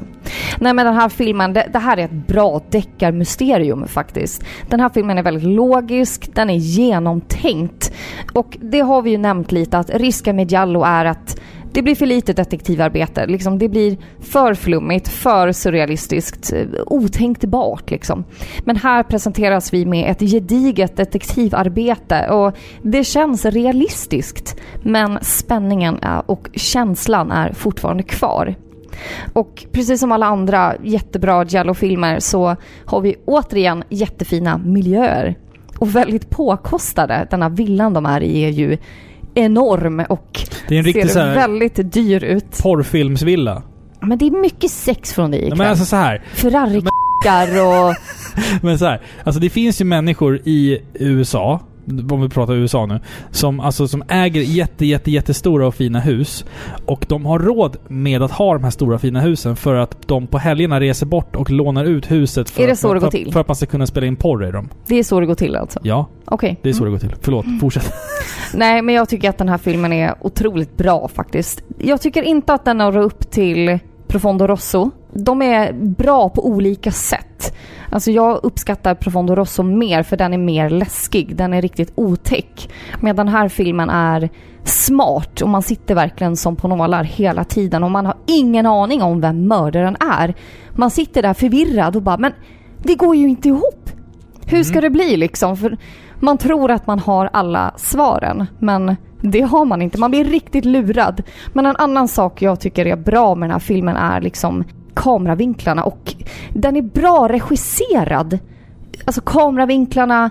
ehm, ah, det är en specifik scen och det är den värsta i hela filmen. Det är scenerna med hunden. Ja, det ja, är ja, en ja, ja, ja stackars precis. tjej ja, som blir jagad av en hund. Jävlar vad otäckt det är att se. Alltså det är riktigt otäckt. Ja, jag faktiskt. fattar inte hur de har fått den här hunden att bete sig så här. Det, det ser så äkta ut. Ja, den anfaller ju henne och biter henne och är efter henne. En skitäcklig hund. Vad är det för någon? Ja, jag, jag vet inte. Jo, men det är ju en, Det är eh, från Dobermann eller. Dobermann ja. Så, här, li, så här spänstig och muskulös. Och den bara, Klippt svans. och den bara ho- när den hoppar över staketet, Ja. du bara Åh fan vad läskigt. Ja, Fan fan. vad läskigt. Ja. Och det hon, är hon, hon läskigt, blir alltså. jagad och klättrar över ett högt stängsel och så Ja. tänker man det där, det där klarar aldrig hundjäveln att hoppa över. Och den bara Jo, gör det. Det kunde den Och det är inte trickfilmat utan det är bara en scen Ja. och den bara flyger över staketet. Alltså, och det är fan Det, det är läskigt alltså. klass, klassisk Resident Evil-hund. Ja, ska säga. exakt. Och hon liksom landar rakt in på mördarens tomt typ. Mm, av en ren händelse. Ja, nej men den... Otroligt bra. Jag känner så här att handlingen är stundom riktigt jävla hårresande. Och man tror som vanligt att man har koll på saker och ting, att det är en simpel förklaring. För många av de här filmerna är ju ganska simpla, fast det är alltid en liten twist. Men den här twisten, den, den, såg, den såg jag faktiskt inte komma. Jag hade fan ingen aning om att den skulle sluta som den gjorde. Eh, och det, det, det, jag, jag var verkligen imponerad. För att jag kände mig så dum. För att jag borde ha fattat redan från början att aha, okej. Men den här filmen är, den är smart. Den är smartare än vad du är. Alltså inte du, Mm, inte jaha, du, inte jaha. du Filippa, utan, utan, utan den, som, den som ser den. Och grejen är så här. Det som jag gillar med den här filmen, det som den gör lite, lite bättre än Deep Red, det är att här har vi riktigt våld. Alltså, vi har armar som flyger av, halspulsådror som skärs upp. Det är extremt visuellt våld. Verkligen. De tidigare filmerna har ju våldet varit stundom subtilt. Man har sett ett, ett, ett lakan som har fått ett litet blodstänk på sig och till ett kvinnligt skrik liksom. Medan här... Alltså det är, det är ju väldigt grafiskt i Deep Red också. Ja, ja, men här är, här är det ju någon jävla rekord. I slutet Ja. när halspulsådern skärs av, man Ja, bara what the fuck is going on? Alltså, det här... Och sen armen som flyger av i farten. Så när, Ja, shit. Alltså du vet bara... Det, alltså, jag var så imponerad av våldet i den här filmen. ja, Det var visst. verkligen så här att här var första gången som 10 jag av kände, 10. men jag kände så här att wow, nu är det verkligen super, super visuellt våld. Här vågar man faktiskt visa en avhuggen arm, en uppskuren hals. Alltså, Ja, liksom det bara spruta blod. ja. Det, det, jag älskar filmen delvis för att deckargåtan är, är mystisk och spännande och man fattar inte twisten förrän till slutet. Men också våldet. Ja, Alltså det är så visuellt. ja Det är så visst. himla visuellt alltså. Bildmässigt så är den vacker, den har fina färger, många utdragna kamerasvepningar över områden. Den går över tak och över ett hus och ner bakom ett hus. Och man får filma, alltså man byter från karaktärerna som står och pratar till att kameran sveper över huset och sen helt plötsligt så är du i mördarens point of view. Mm. Alltså du vet, det kamerarbetet. En enda lång tagning. Otroligt imponerande. Ja, Jätteimponerande alltså. En sak som jag har att säga som är negativ om den här filmen. Ja. Och det här är tyvärr en nackdel som ganska många Jallo-filmer lider av. Först presenteras du liksom med den här utdragna genomsökningen liksom och utredningen och man, man sitter där som på nålar liksom. Sen i slutet när du får alla svar, Mm. då är det slut. Ja, Alltså, ja. det, sluten kommer så abrupt. De skulle lika gärna kunna säga så här. Det var jag. Och sen rullar liksom eh, eftertexterna. Men eftertexterna kommer ju ibland innan, innan de ens har hunnit prata klart. Ja! Innan, innan man ens har fattat De filmen. är så trötta på att eh, skapa den här filmen så de bara kör eftertexterna. Vi orkar inte mer nu. Ja, men jag tror att det är Bird with a Crystal Plumage så är det ju så här. Här är De mördaren. Ja, men så här är mördaren. Han blir skjuten. Du. Ja, så kommer ja, eftertexten. Han bara Men vadå? Va? Var, den- var den slut här? Man får liksom inte något litet fint paket efteråt där alla lever lyckliga. Fast- fast- det är inte fast, ja. viktigt liksom. Slutet i Tenebre är ju den, man tror att den är slut, men då når den ytterligare någon form av klimax. Och sen Ja. är den snabbt slut. Ja, Alltså, men det- precis. det är då är liksom- den jättesnabbt Då är, den, slut. då är den jätteslut. Ja, den är Snabbt. jätteslut ja, precis. Också. Det här är ju vanligt i de flesta Giallo-filmerna. Ja. Men här tyckte jag att det var väldigt slut. Ja. Förstår du? Ja, precis. Och jag gillar inte det. Nej. Nej. Nej. Men det är väl bara en smaksak. Det, jag vet inte, det kanske är tidstypiskt. Jag, jag gillade det här slutet jättemycket. Jag tyckte det är det bästa slutet. Jo, alltså, jag Alltså, gillar ju Ja. det som du tänker på. Twisten, om man säger så, i slutet. Mm. Filmen är ju en enda stor twist, men man bjuds på en ytterligare twist Ja. i slutet. Så kan man säga. Twist and shout Ja, två gånger. Precis. Ja.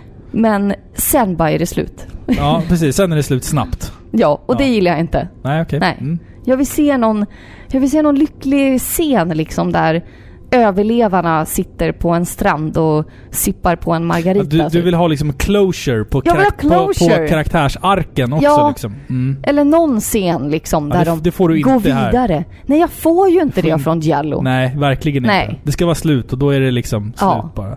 Lite så som en bok, alltså att det är så här. Ja, men så är inte alls en bok. Nej men det är typ så här, ja men nu är det slut. Nu vet vi vem mördaren är. Och så blev det alla lyckliga alla sina dagar. Slut. Men vi får inte det där lyckliga i alla sina Nej, dagar. men det, ja, jag vet inte. Ja. Jag vet inte. Så är det. Det kanske bara filmer på den tiden som gjordes på det sättet. Ja, jag kanske. vet inte. Tenebre i alla fall. Skitbra film. Ja, alltså verkligen. jätte, jätte, jättebra. Och musiken. Ja, gud. Också Gud, ja. sjukt, sjukt bra. Ja. Ja. Profondo Rosso är bättre. Ja, jag tycker också det. Ja.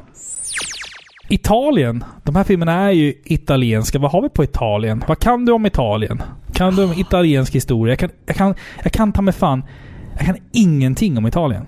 Man kan väl lite från skolan. Det finns liksom inga coola metalband från Italien, vad jag vet. Nej, men de är ju liksom ursprunget till ett av de största rikena i mänsklighetens historia. Ja, det kanske de är. Många kända eh, författare, Ja. konstnärer, Ja, pizza.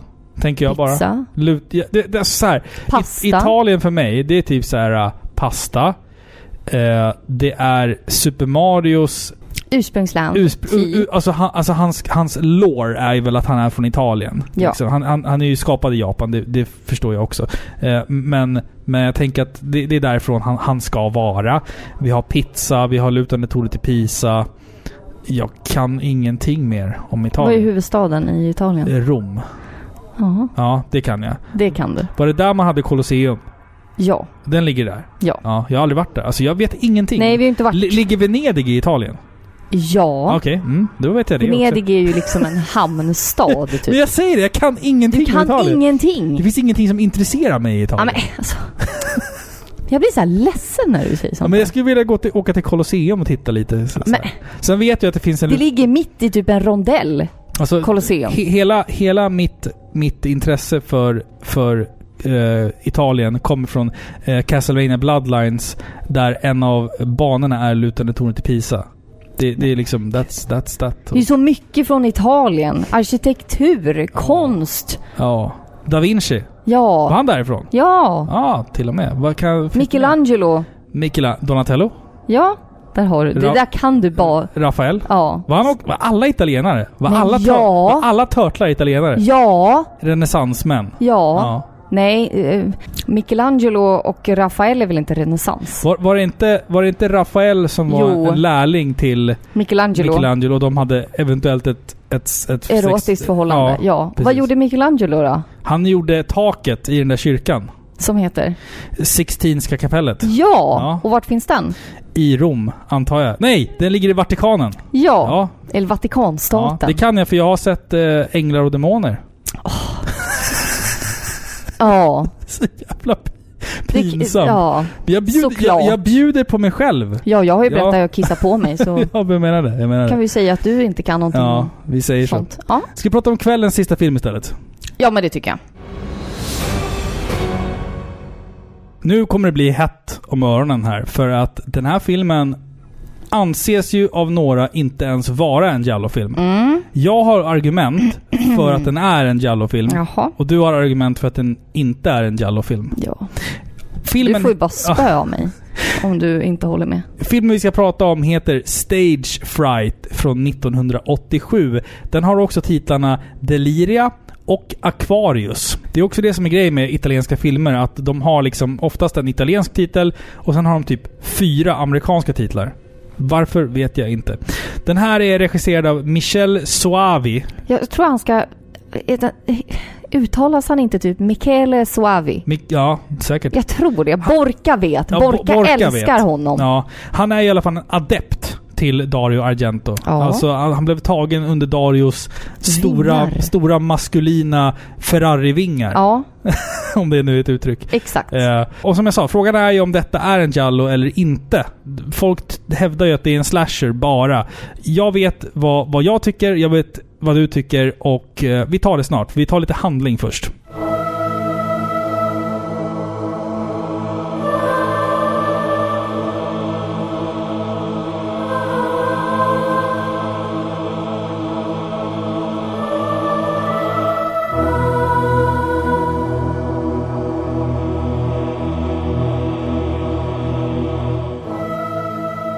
Teaterregissören Peter är stressad och irriterad. Föreställningen han nu håller på att sätta upp kan bli hans stora genombrott. Det är nu bara dagar kvar till premiären och Peter är missnöjd. Dansarna och skådespelarna han försöker att regissera är ett gäng unga män och kvinnor som kanske inte är lika dedikerade som honom. På repetitionerna förekommer det istället skitsnack, skvaller och en hel del hångel bakom kulisserna. När producenten med alla pengar senare hotar regissören Peter att dra sig ur, ser inte Peter någon annan väg ut än att med tvång styra upp föreställningen som håller på att fullständigt haverera. Han försöker under repetitionerna nu forcera in mer våld och sex i sin föreställning. När skådespelarna börjar ifrågasätta just detta låser han bara dörren till lokalen de hyr och säger att ingen lämnar lokalen förrän han är nöjd med föreställningen. Någon som dock hunnit ut i det fria är Alicia som måste söka vård för sin stukade vrist. Istället för att ta sig till en vanlig vårdcentral hamnar hon istället på ett mentalsjukhus. Tomato, tomato, eller vad säger man? Där på plats får hon ögonkontakt med patienten Irving Wallace. En galen man dömd för mord som nu bidar sin tid på psyket.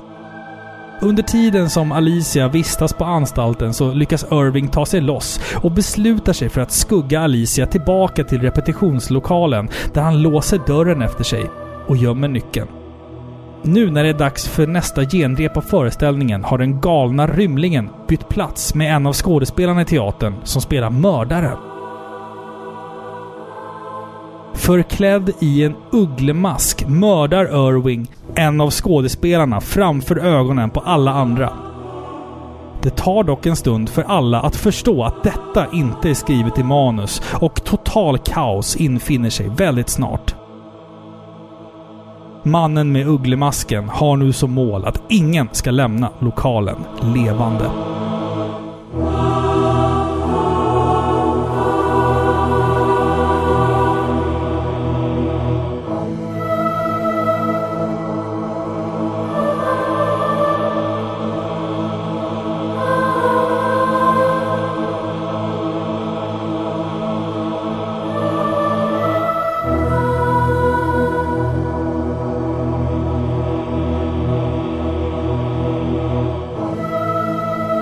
Jag älskar filmens premiss. Inlåsta i, ett st- i en stor jävla byggnad utan möjlighet att ta sig ut. Det finns liksom ingenstans att ta vägen.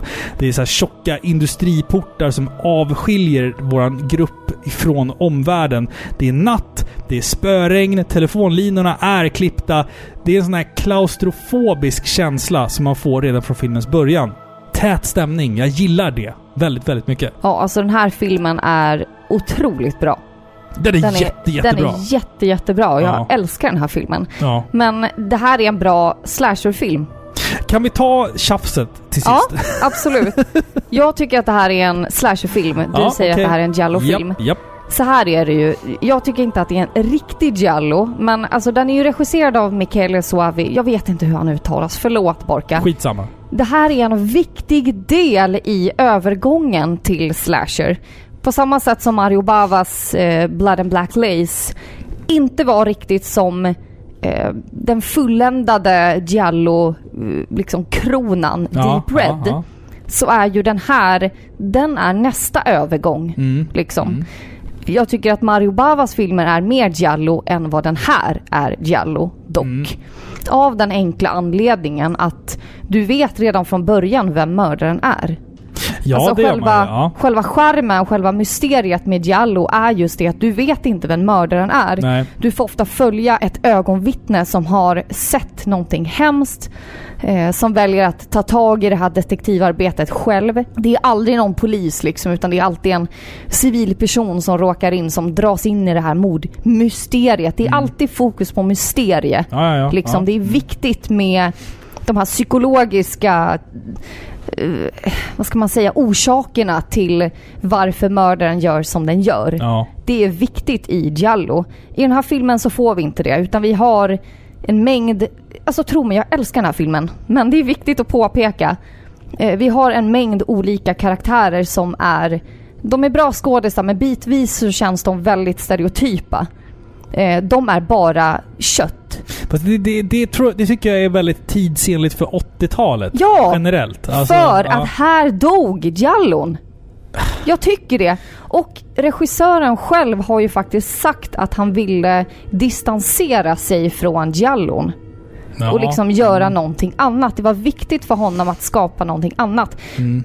Och här kommer vi ju in på filmer så som Halloween och Fredag den 13. Liksom att vi har en känd mördare och de, liksom hela filmens premiss är bara att de ska överleva på ett ställe. Mm. Liksom, och att mördaren överlever alla liksom eh, eh, alla slag och man tror att han är död men han kommer igen. Liksom. Och Alltså, jag- okej, ja, nu- nu känns det som att vi inte kan, att vi inte kan gå runt den här diskussionen. jag, jag har skrivit argument Okej. som jag anser gör det här till en Jallo-film. Okej. Vi har ju, för det första då, väldigt... Vad ska man kalla det för? Eh, väldigt subjektivt då, men jag får bilden av mardrömsscenariot. Jag tycker att den här filmen är lika kaninöron drömsk Mm. som de andra filmerna. Den har den där stämningen av att saker och ting inte riktigt känns logiska, saker och ting hänger inte ihop. Precis som det kan göra i en dröm ibland, när man, när man har en väldigt, väldigt lång dröm. Att den, den känslan har jag i alla de här filmerna. Och i Stage Fright. Sen sättet man arbetar med musiken och tystnaden i den här filmen. Det är väldigt intensiv musik, men det blir mest spännande när musiken försvinner helt. Du, du har liksom hela det. Du har kamera, ljus och färger.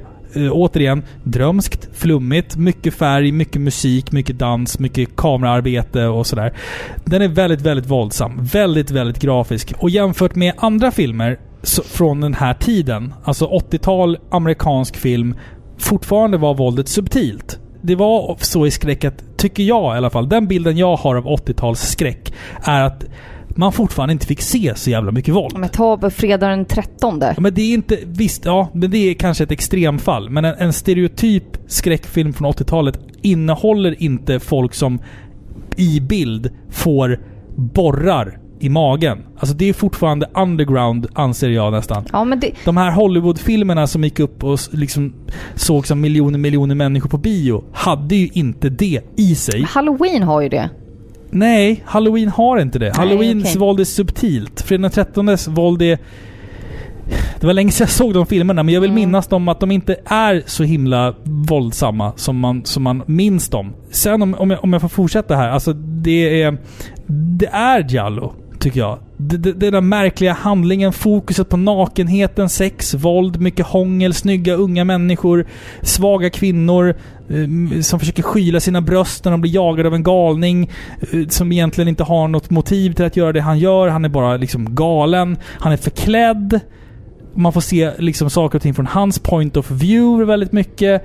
Jag tycker att det är mer Jallo, än vad det är eh, slasher. Det som jag tror att folk gör så här att det här är ingen Jallo. Det är bara för att den har väldigt mycket 80-tal i sig. Alltså när det kommer till liksom estetik och kläder och, och sånt där. För jag tror att folk förknippar Jallo även med tidseran 60-70. 60 tidigt 70. Jag, jag tror att det är därför man också vill att den här får inte vara med på våran fina lista med film. För att den är från 80-talet. Det här var det lite modernare, eller vad man ska säga. Det är, min, det är mina argument. Ja, alltså det är inte, for, det är inte så att folk systematiskt väljer bort filmer för att de hamnar på ett visst årtal. Men det, är, det du beskriver är ju en... Det är inte att folk medvetet liksom cherrypickar vissa saker utan det här är en naturlig övergång Självklart. i Alltså, hur man skapar film. Ja, det är ju en övergång. Alltså, det vid den här tidpunkten så såg filmer ut så här och Ja. de blandar inspiration och Giallo är en stor inspirationskälla till det som kom att bli amerikansk slasher. Absolut, absolut. Det köper jag. Och Suavi ville ju gärna göra mer amerikansk Hollywoodfilm. Mm. Så det är klart att han vände sig till de inspirationskällorna. Ja. Men han kommer ju från en Och Giallo-bakgrund. det tycker jag är så övertydligt också. Det är tydligt, Ja. men den har mer slasher, tycker jag. Ja, jag, jag tycker Den inte har det. inte mordmysteriet. Det är ingen Nej. gåta. Nej, det Det är är det ju inte. bara ett överlevnad. Förstår ja, du? Ja. Och jag, jag... Jag gillar den här filmen jättemycket, men jag... Nu, nu blir jag hängd. Jaha. Men jag gillar ofta inte såna här filmer. Alltså jag gillar slasherfilmer, Ja, ja, verkligen. Ja. Mm. Och som jag sa i början av avsnittet, att jag uppskattar liksom praktiska effekter. Jag gillar 80-tals skräckisar. Mm. Men liksom splatterfilmer och slasherfilmer, typ som Halloween, kan bli lite långsamma för mig och tråkiga. Ja. Förstår du? För att det är alltid samma premiss. Vi har Mm. en galen typ mentalpatient som ska rymma. Och nej. Och de springer från honom. Och de dör en efter en. Och mördaren verkar ha någon slags övermänsklig styrka och överlever allt. ja och det- återkommer ja, i mm. 15 filmer. Han Förstår kan, du? bli, Sånt han, kan där. bli, ja, han kan bli skjuten och sen bara gå Ja, vidare. ibland ja. så är de uppe i rymden och de överlever det också. Alltså, du, får förstår inte, du får inte dra Jason X-kortet här. Du alltså- får inte göra det. Det är inte bra. Jag säger det nu, jag gillar inte sånt. Nej, nej, nej. nej. Och nej, det ta den här filmen nu då. Oftast är ju mördaren då en rymd mentalpatient. Mm. Vi får ju veta redan i början vem han är. Ja. Men ändå så visar ju mördaren på helt andra egenskaper i, ja, men i sin framförhållning och sättet han mördar på. Liksom, han är väldigt metodisk, han är organiserad, han är kall. Han är samlad, Mm, förstår du? Och det rimmar inte så väl med bilden av en galen mental patient som tuggar fradga i ena hörnet av en vadderad isoleringscell. Alltså förstår du? Ja. Jag känner att det är ett lätt sätt att brodera ut händelserna. Ja men det var en galning. Ja. Förstår du? Ja. Istället för att det ska vara en genomtänkt idé bakom allt. Mm. Så tycker jag. Ja, okej. Ja, men vi får väl helt enkelt bara acceptera att vi tycker olika i den här frågan. Ja, och Alltså- det, det är helt okej. Det finns folk som tycker som du också. Ja, ja, jag hoppas det. Jag hoppas att jag inte är ensam. Jag är ju som sagt bara en Jallo-amatör. Ja, är Jag, jag, har sett, jag har ju sett alla de här filmerna liksom i ett svep. Och jag tycker att... Jag förstår inte varför den här filmen blir lämnad utanför. För Mm. att jag, jag anser att det bara är 80-talsestetiken som gör att den känns lite annorlunda än de andra filmerna. Men kan vi inte bara prata om det? Kan vi inte prata om att det är så mycket härliga karaktärer, det är så mycket 80-tal i den här Ja. filmen. Jag älskar det. Alltså om vi bara liksom fokuserar nu på filmen och varför vi älskar den här. Mm. Den här filmen är otroligt stämningsfull och den är också riktigt otäck. Alltså, Och läskig bitvis. ja, sista... Vi, vi det till senare, men sista tio minuterna är fan... Guld. Alltså det, det är guld. Ja, den är det är riktigt bra. guld alltså. Men alltså jag, jag älskar verkligen de här 80-talsvibbarna. Alltså musiken, Hysterisk musik. kläderna. Det överdrivna. Det är så mycket Mm. hela tiden. Och musiken, alltså oftast är det den här släpande syntmusiken varvat med klassisk musik. För de har ju klassisk musik Mm. Ja, till precis. sin show. Mm. Och det är oftast den musiken som mördaren själv sätter på. Japp. Medan han går runt och liksom i tur och turordning liksom Jävla uggle, han har en jävla ugglemask Ja, på sig. ja. Alltså det ser extremt... Alltså Michael Myers är läskig. Jason Voorhees är läskig. Men den här ugglemasken Ja, är, den är fan, läskig, den är alltså. fan äckligaste jag sett alltså. Och den här musiken, det, det blir så mäktigt liksom när det kombineras med det här kallblodiga mördaren. Mm. Men bästa scenen är ju då, det var den som du Gud, pratade om, Ja, ja. när mördaren iklädd den här masken kliver ut på scenen. Du har redan dragit det här men jag Ja. måste bara prata om det här för det här är så Men du kan, för, bra. du, du kan förtydliga det som jag ja, sa. ja. Han kliver ju ut på scenen eh, och ingen vet ju att det är mördaren de har framför sig. För han utan- har ugglemasken på sig. Ja, de, de tror ju att det är en av skådespelarna som har kommit för att öva på sin scen. Så de uppmanar honom att liksom att eh, agera, att vara starkare och vara övertygande. Döda henne! Kill her! Och liksom musiken som ligger på i bakgrunden, eh, strålkastarna, allas blickar. Och så bara tar han fram en kniv Mm. och regissören liksom nämner någonting. Vad har han en kniv för? Ja. Det ingår inte i scenen liksom. Ja. Och så dödar han henne på riktigt. det är så dramatiskt. Och deras alltså. fruktan, alltså paniken när de ser att det här är inte deras kompis, det här är en mördare på scenen. Det är 10 av 10. Mm. Ja, jag sitter gud, nästan ja. med tårar i ögonen för att jag blir så gripen liksom av det. Det är Perfekt, så sjukt perfekt. bra! Perfekt klippning till musiken och, och allting. Att det är så jävla dramatiskt. Man, tas, man, man tänker inte på att det är en, en scen som utspelar sig på en teaterscen. Utan man, Nej. man bara såhär, åh jävlar vilken, Och det är en vilken sån- känsla liksom. Det är en sån obehaglig tanke Ja visst. att man ska bevittna någonting. När slutar det vara teater Ja, precis. och när Ja, börjar det bli ja, riktigt? För alla ser ju hur han går fram, lyfter kniven och alla Mm. sitter där och tror att det här är, det är så här det ska vara. Precis, precis. liksom. De hade haft alla chanser att kunna rädda henne. Ingripa, för de är många fler liksom. ja. ja. Nej, mycket bra. Men samma sak med filmens sista 15 minuter. Fy fan vad bra de är. Alltså, när... Jag ska inte spoila för mycket, men... men mördaren sitter på en stol själv på scenen. Och vi har en karaktär som ska smyga förbi honom. För att liksom få tag på ett väldigt viktigt föremål som hon behöver. Och den scenen med musiken och kameravinklarna och... Vänta nu. Ser mördaren henne eller ser han inte henne? Man vet för det inte. vet man ju inte för Den han har ju inte. masken Ja. på sig. Och den, alltså jag får rysningar bara jag tänker på den scenen. Det, det, alltså av, av, det, av det jag tar med mig från det här avsnittet så är det filmen Stage Fright, sista 15 minuter. Alltså, de är så jävla iskalla. Och de är så fruktansvärt, fruktansvärt obehagliga. Jag skiter i vårat tjafs nu ifall det här är en Jallo-film eller inte. Jag, jag tycker Stage Fright är en skitbra film ändå, oavsett. Den Stage Fright ska man se, alltså. Verkligen, vilken toppenfilm. Jag håller med, den här filmen är underbar. Jag, jag vill bara säga en dålig grej med den här filmen. Jaha. Och det är den sista scenen. Det är en twist i den här filmen också. Den, den hade man kunnat skippa Den, faktiskt. den hade man Ja, kunnat skippa. faktiskt, Den ja. är bara onödig. Men eh, jag vill bara säga en sak till. Jag ska inte tjafsa utan jag vill bara påpeka att den här... Det här är ingen nackdel egentligen utan det här är bara en viktig grej i hur slasherfilmer oftast är uppbyggda. Ja, ja, ja. Eh, och det är just det här med att vi oftast har ungdomar som blir liksom föremål för en men, alltså, galen mördare. Mm. Eh, och de söker faran.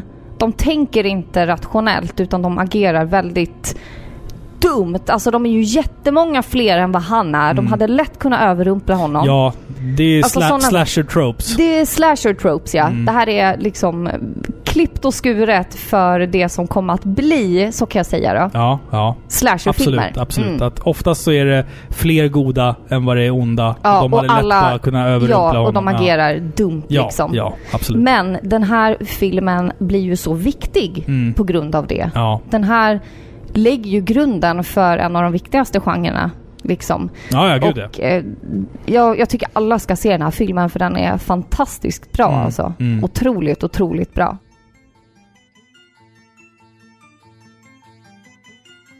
Vi har sett fem filmer ikväll Filippa. Blood and Black Lace, The Bird with the Crystal Plumage, Deep Red, Tenebre och Stage Fright. Om du skulle välja någon som du verkligen vill pusha lite extra för, som våra lyssnare ska se, vilken tycker du då? Enkelt. Profondo Rosso, Deep Red. Där har Ja. ni eh, alltså Giallo bemästrad. Ja, jag skulle nog säga det också. Ja, jag skulle också säga eh, Deep Red faktiskt. Men om man inte är superintresserad av, av Giallo så skulle jag nog säga att man ska se Stage Fright ändå.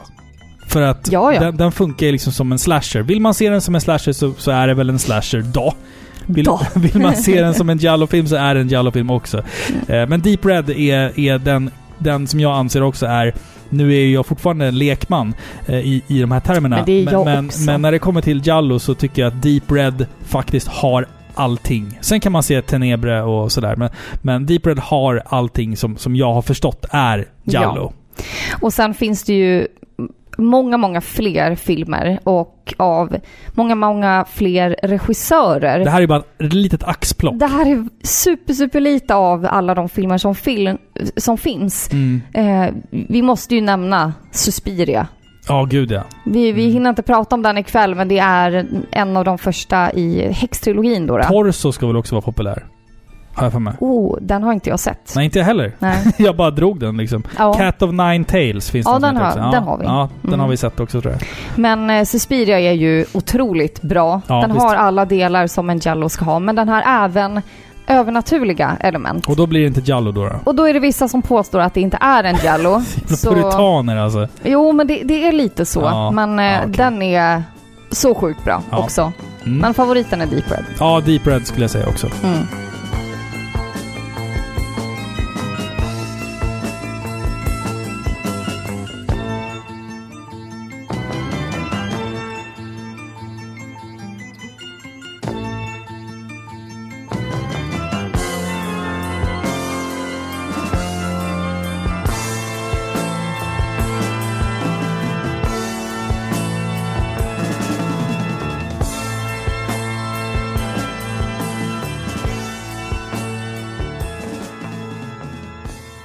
Var det. Ja, Ja. det var det. Jag hoppas ni har tyckt om det här avsnittet. Lite annorlunda avsnitt än vi har pratat om eh, den obskyra italienska splatter eh, mysteriedeckargenren. Smalt. Smalt. Smalt avsnitt. Giallo. Ja, höga trösklar. i Det här är, men det har varit jättekul. Jag Jättekul. älskar Giallo. Ja. Det har varit jättekul att prata om det med dig. Mm. Och jag hoppas att några av er lyssnare blir intresserade av det vi pratar om. Och vi hoppas också att vi inte blir hängda för våra åsikter. Nej. Bird with the crystal plumage. Alltså jag har aldrig sett så mycket tuttar på film. Nej men jag det- vet, det, visst är det underbart? Det, det är alltid något liksom. Åh, man kan alltså. liksom titta på. Ja. Eller sådär. Och så här, ja, män med mycket pondus. Men du fick och, ingen Ja, Alltså om jag säger så här. Har du sett Dario Argento? Ja. Ja, det är ingen fager syn. Jag tror inte att det är någon det- Ferrari ja. där. Nej, ja, det, det är oklart. Alltså. Ja. Ja, vi kanske ska lämna, lämna det där här nu. Ehm, till fantasin. Till fantasin, ja. Precis. Uh, par pixlar. Vi pratar normaltvis om tv-spel. Eh, det ska vi väl göra i nästa avsnitt, Ja. förhoppningsvis. Eh, vill ni stötta den här podden så kan ni göra det lättast på patreon.com par i pixlar. Vi har också en Discord, vi har Instagram, vi har Facebook och vi finns typ i alla podcast-appar. Vill man lyssna på oss i sin webbläsare så går det skitbra att göra det på paripixlar.se eller på videospelsklubben.se. Mm. Vi har också en mailadress. Mhm. Podcast at paripixlar.se. Och vi vill också faktiskt slå ett extra slag för Patreon. För snart har vi ju nått vårt mål att köpa ny utrustning. Vi kommer kunna ha lite Ja. gäster och sånt där.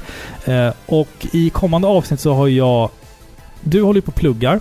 Mm. Så att jag har ju knåpat ihop några avsnitt på egen hand. Ja. Två intervjuer, som sagt. Eller en intervju och en dokumentär är det. Och jag har fler intervjuer på gång så att du ska kunna plugga i lugn och ro. ja, du är så snäll. Ja, visst. Så att eh, se fram emot det.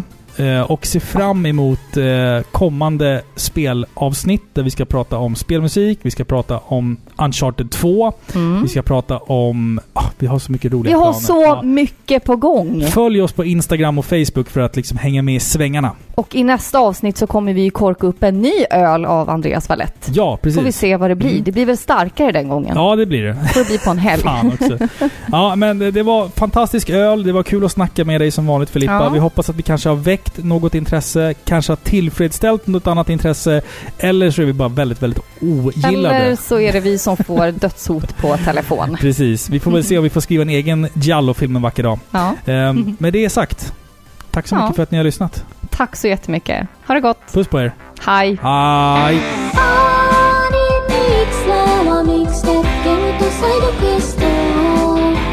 パリ